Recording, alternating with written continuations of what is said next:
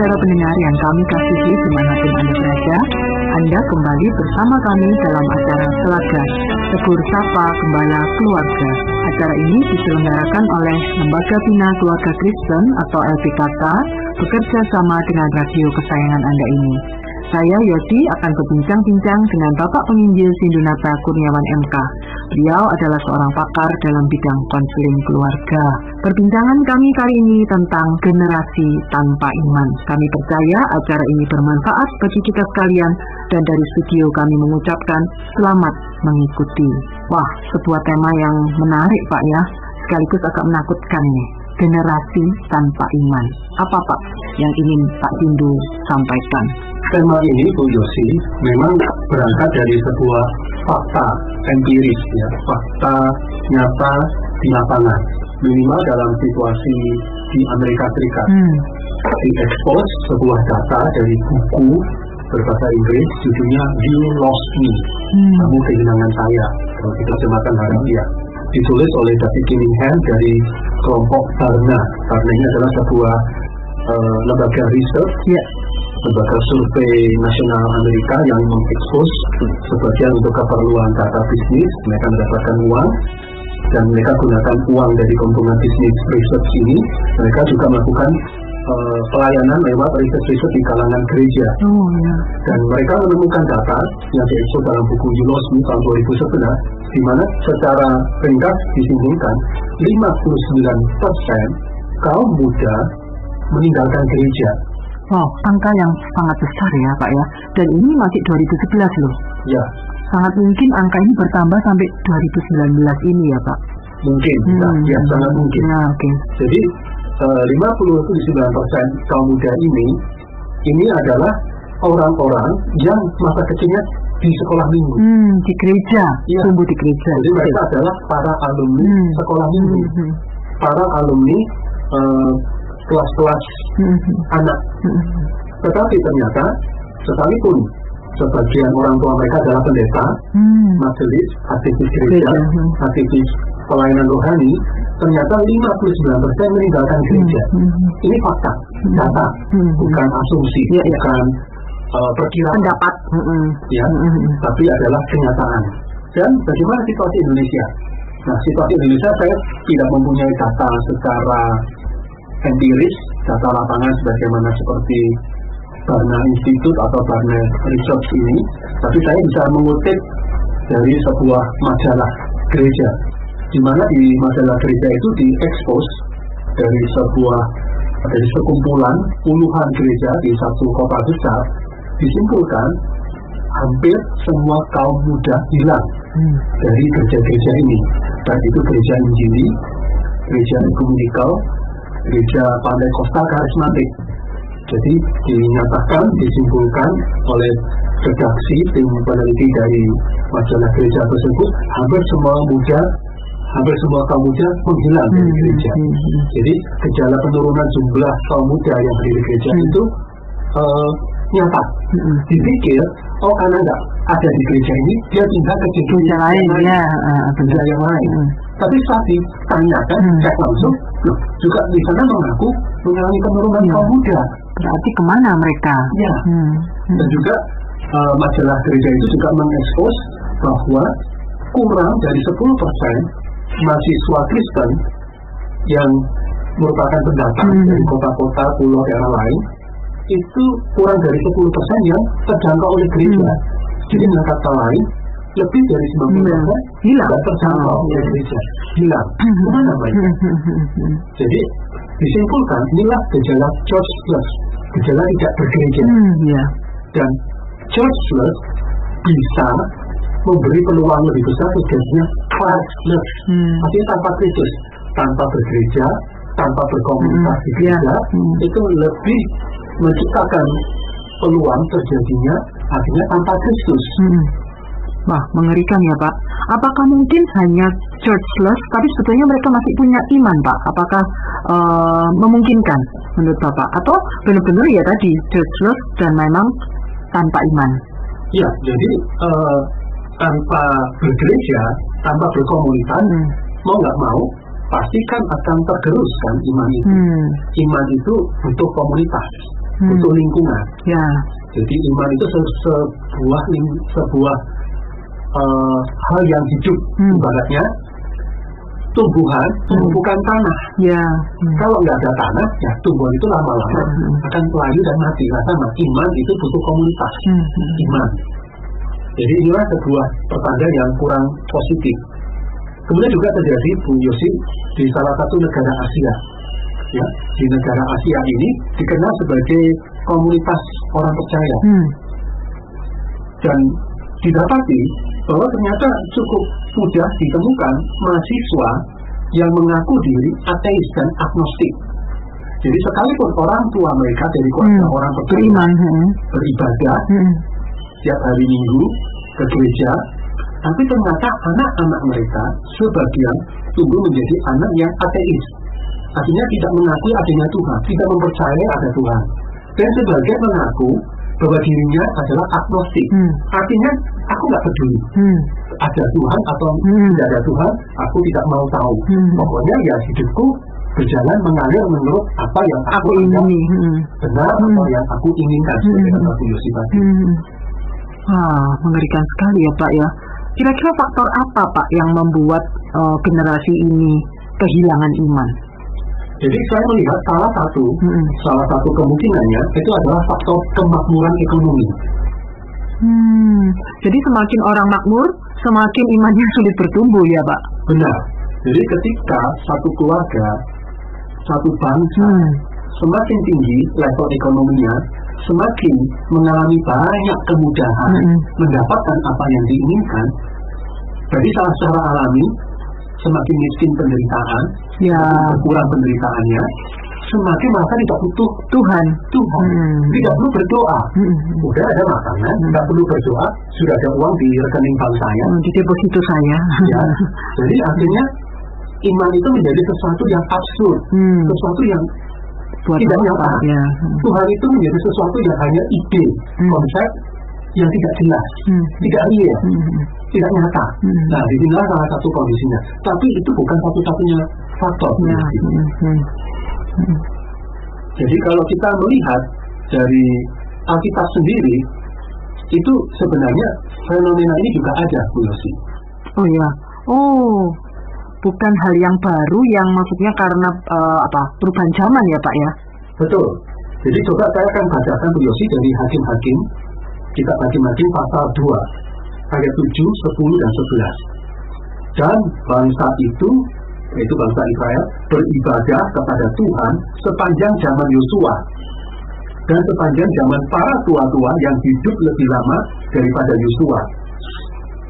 Ayat 10, setelah seluruh angkatan itu, yaitu angkatan yang Yosua dan generasi para tua-tua bangsa Israel itu, dikumpulkan kepada nenek moyangnya, artinya meninggal dunia, bangkitlah sesudah mereka itu angkatan yang lain, generasi yang lain, yang tidak mengenal Tuhan, ataupun perbuatan yang dilakukan Tuhan bagi orang Israel. Maka apa sifatnya ayat 11? Lalu orang Israel melakukan apa yang jahat di mata Tuhan dan mereka beribadah kepada para Baal.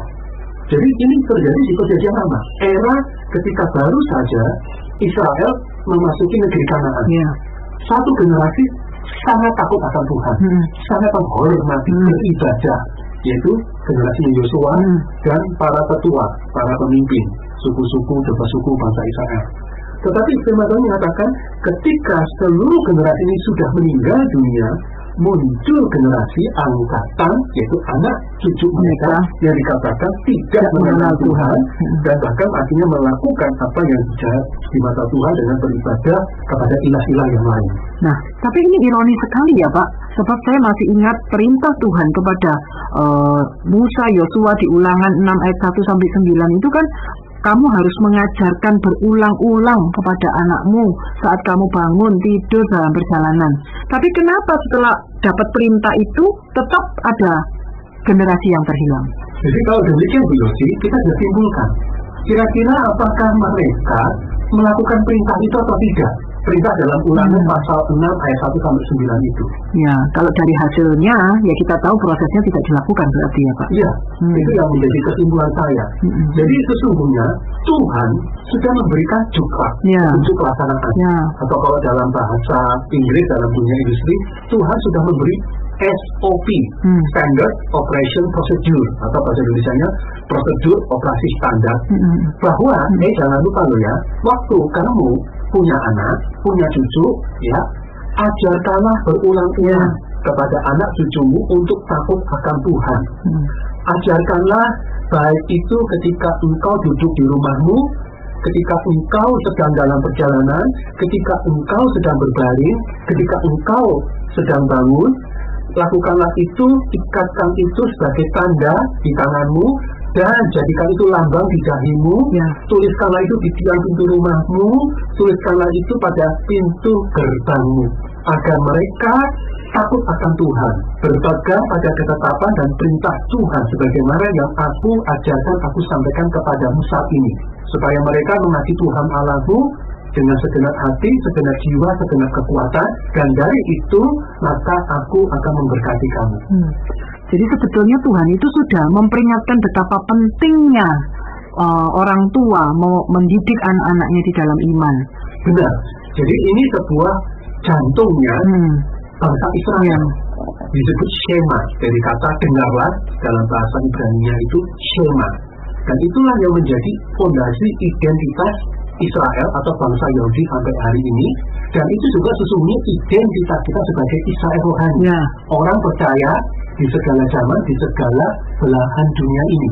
Jadi kalau boleh saya simpulkan, apa yang terjadi di Amerika Serikat, sebagaimana yang dinyatakan dalam hasil risetnya uh, Barna Institute ini, saya bisa simpulkan dengan menohok orang tua, orang percaya yang ada di Amerika Serikat, mereka tidak mentaati Hmm. skema yang Allah perintahkan. Termasuk di Indonesia yang diwakili dengan satu data kecil dari Hmm. sebuah masalah gereja ini, apa berarti saya mengekspos tentang sebuah negara di Asia Hmm. yang memunculkan generasi mahasiswa yang sebagian mengikuti Ateis dan agnostik. Ya. Itu berarti berdasarkan skema Tuhan dari Hmm. ulangan pasal 6 ataupun yang kemudian dikaitkan dengan hakim-hakim pasal Hmm. 2 mereka gagal mentaati firman Hmm, Tuhan. hmm. para orang tua Hmm. gagal memuridkan anak-anaknya secara intensional memuridkan secara sadar dan sengaja berbagai kesempatan dan cara metode untuk menolong anak mereka mengalami Tuhan Karena sebetulnya tanggung jawab mau mendidik iman itu adalah tanggung jawab utama di orang tua ya Pak. betul Hmm, hmm. Jadi di sinilah bisa disimpulkan Bu Yosi dari ulangan pasal 6 bahwa pengajaran dan sekaligus teladan iman orang tua itu merupakan atmosfer Ya. dan wadah di mana iman anak itu akan lahir Hmm. dan bertumbuh kokoh. Ya.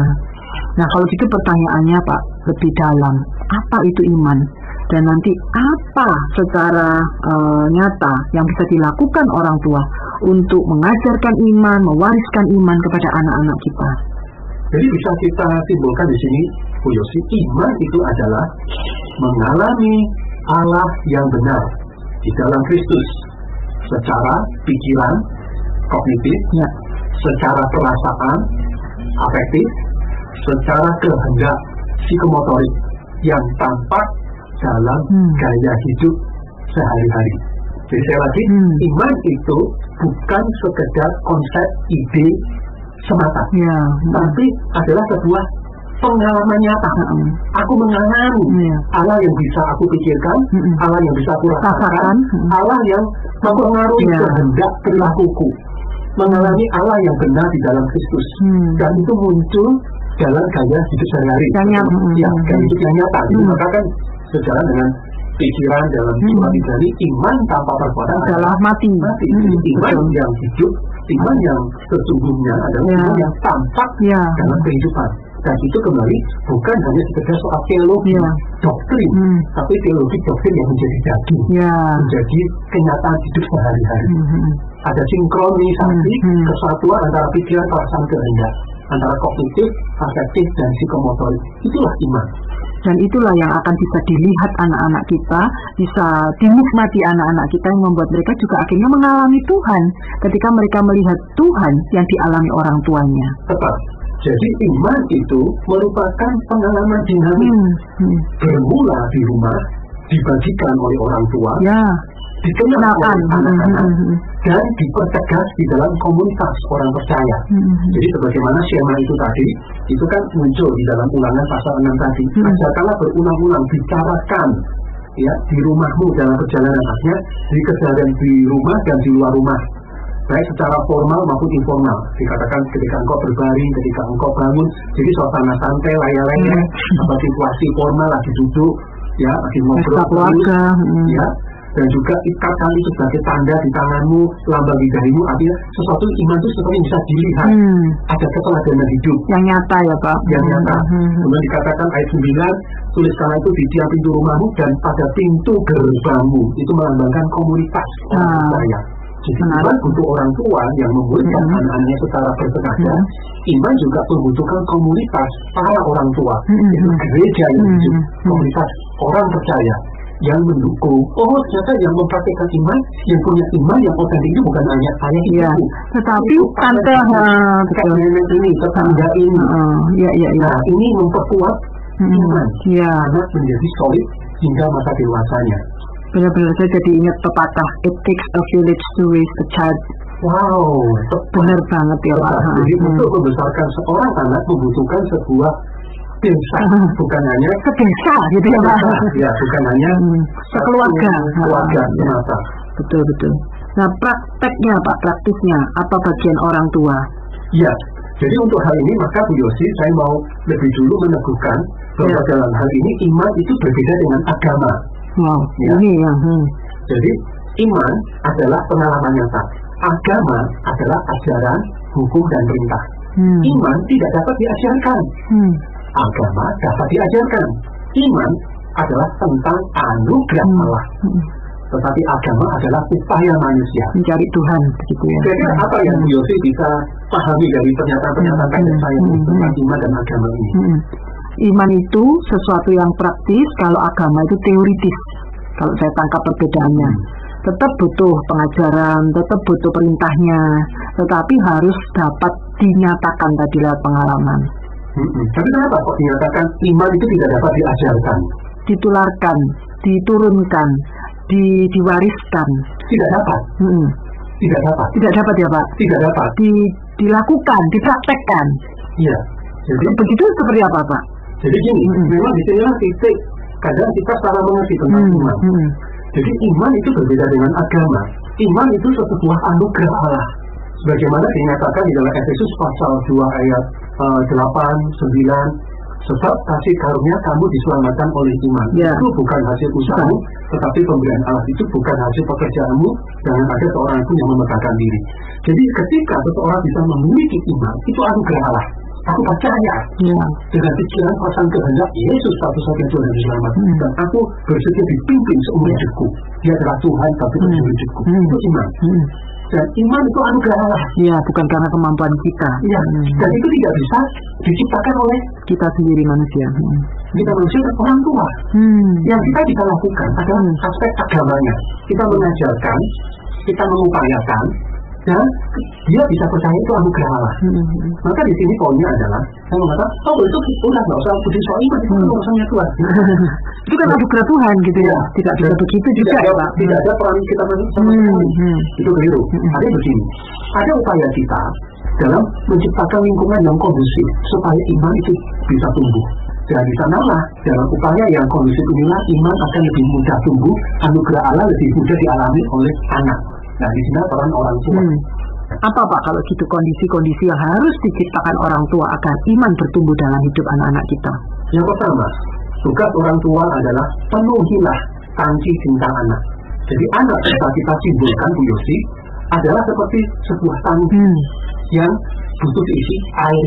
Ya. Hmm. Kalau diisi dengan air cinta yang penuh, maka anak merasa dikasihi, dicintai orang tua, dan anak akan lebih mudah mencintai dan mengenal Tuhan. Hmm. Hmm. Mengenal kasih Tuhan lewat kasih orang tua. Betul. Iya. Jadi jangan lupa, kita mungkin akrabkan dengan sebuah pernyataan, orang tua adalah wakil Allah Ya. di dunia. Hmm. wakil Allah. Hmm. Itu bukan sekedar kata-kata pemanis, Hmm. hmm. menghormati orang tua. ya. Hmm. Kami orang tua Hmm. adalah wakilnya Allah loh ya. Kalau kamu mau tidak menghormati kami, berarti kamu sudah tidak menghormati Tuhan. Tuhan. Hmm. Nah, itu bukan sekedar Hmm. itu. Hmm. Tapi ini konsep teologis dan alkitabiah. Hmm. Karena Allah memberikan sebagian kuasa penciptaan itu kepada orang tua. Ya. Hmm. Allah berkata, jadilah terang. Terang itu Jadi. jadi. Hmm. Nah sama, orang tua ngomong ke anak, Hmm. jadilah anak baik. Hmm. Bukan hanya ngomong, tapi Hmm. juga tindakan Ya. Ya. Memperlakukan anak dengan baik. Baik. Jadi akan lebih mungkin jadi anak. Baik. Hmm. Tapi katakan misalnya orang tua, kamu anak yang Nakal. Hmm. anak yang kurang ajar, Hmm. Anak yang seperti sampah. Hmm. Lewat kata-kata Ya, ya. Hmm. dan perlakuan yang memperlakukan Ya. anak seperti sampah. Maka anak itu lebih mungkin jadi seperti Sampah. sampah. Hmm. Tidak ada kuasa penciptaan. Oke. Nah, dalam hal ini, ketika orang tua bisa menjadi Tuhan yang baik bagi anak-anaknya, maka dia akan mengenal Tuhan yang benar. Hmm. Jadi saya katakan lagi, orang tua adalah Tuhan bagi anak-anak. Hmm. Hmm. Tuhan dengan T yang kecil. Ya betul. Hmm. Jadi ketika tangki cinta itu dipenuhi oleh orang tua, maka anak merasa dicintai Hmm. orang tua. Hmm. Dan dia akan memandang Tuhan secara Penuh penuh, secara benar. Hmm. secara benar, secara positif. Iya. Hmm. Sehingga jadi boleh dikatakan orang tua itu seperti kaca, Hmm. kaca Cermin. cermin Hmm. yang bersifat seperti lensa, Hmm. di mana ketika anak melihat orang tua, Hmm. di balik orang tua anak melihat Tuhan. Tuhan. Hmm. Orang tua yang mengasihi anak dengan benar, Hmm. maka dia lebih mudah mengenal Tuhan. Allah Hmm. secara benar, secara tepat. Tapi ketika orang tua gagal Hmm. mengisi tangki cinta anak dengan cinta yang utuh, maka anak akan mengalami kesulitan mengenal Allah. Ibaratnya melihat cermin, melihat Buram.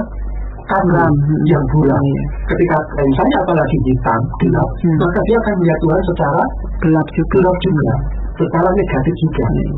Cinta yang utuh, cinta yang seperti apa ya Pak Sindu ya? Cinta yang utuh itu seperti ibaratnya dua sisi dari mata uang yang sama. Hmm. Jadi kita mengisi tangki cinta anak dengan cinta yang utuh, di mana satu sisi adalah sisi kasih sayang, Hmm.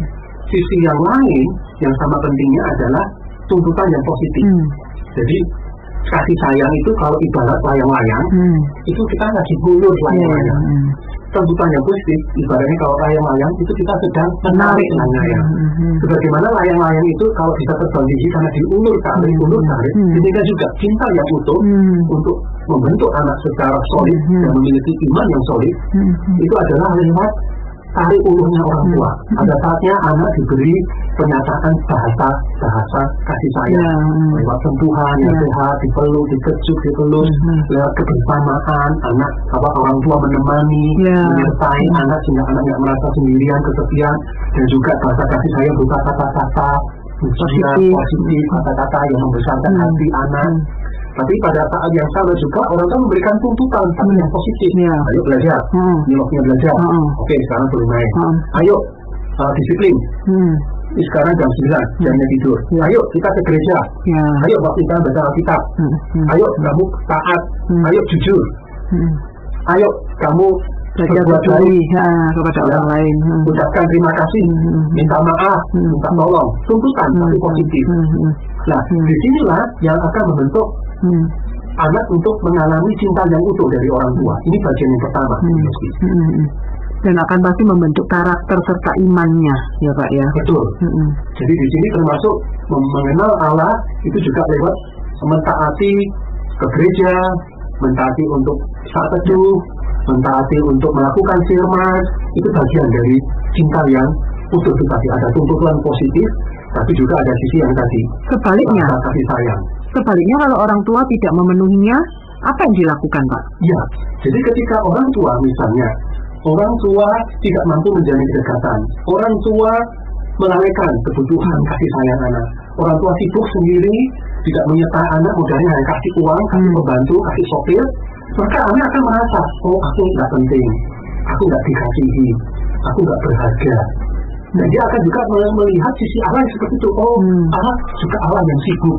Hmm. Allah itu banyak, iya, tapi pada orang-orang lain, bukan pada aku. Hmm. Sama seperti ayah ibuku Hmm. yang dia baiknya di tempat kerja, Hmm. di gereja, Hmm. untuk orang lain, Hmm. tapi tidak baik pada diriku. Nah, mungkin pikiran secara rasional, secara sadar, anak nggak mungkin berpikir itu. betul. Tetapi di bawah sadarnya, Hmm. asumsi ini Hmm. yang muncul karena itu yang dialami Hmm. pengalaman emosional, pengalaman batin dengan orang tua itu yang akhirnya mendistorsi membuat anak jauh dari Allah melihat Allah juga secara negatif sebagaimana hubungannya dengan orang tuanya yang negatif itu. Wah, ternyata tema ini membutuhkan perbincangan yang lebih mendalam ya Pak. Karena waktu tidak mencukupi, kita akan melanjutkannya ke bagian yang kedua. Para pendengar sekalian, terima kasih Anda telah mengikuti perbincangan kami dengan Bapak Penginjil Sindinata Kurniawan MK dalam acara Telaga Tegur Sapa Gembala Keluarga. Kami baru saja berbincang-bincang tentang generasi tanpa iman bagian pertama. Bila Anda berminat untuk mengetahui lebih lanjut mengenai acara ini, silakan menghubungi kami lewat surat. Alamatkan surat Anda ke Lembaga Bina Keluarga Kristen atau LPKK Jalan Cimanuk nomor 56 Malang atau Anda dapat mengirimkan email ke telaga@telaga.org.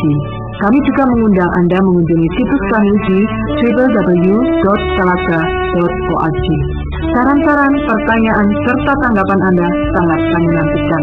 Akhirnya dari studio kami mengucapkan terima kasih atas perhatian Anda dan sampai jumpa dalam acara telaga yang akan datang.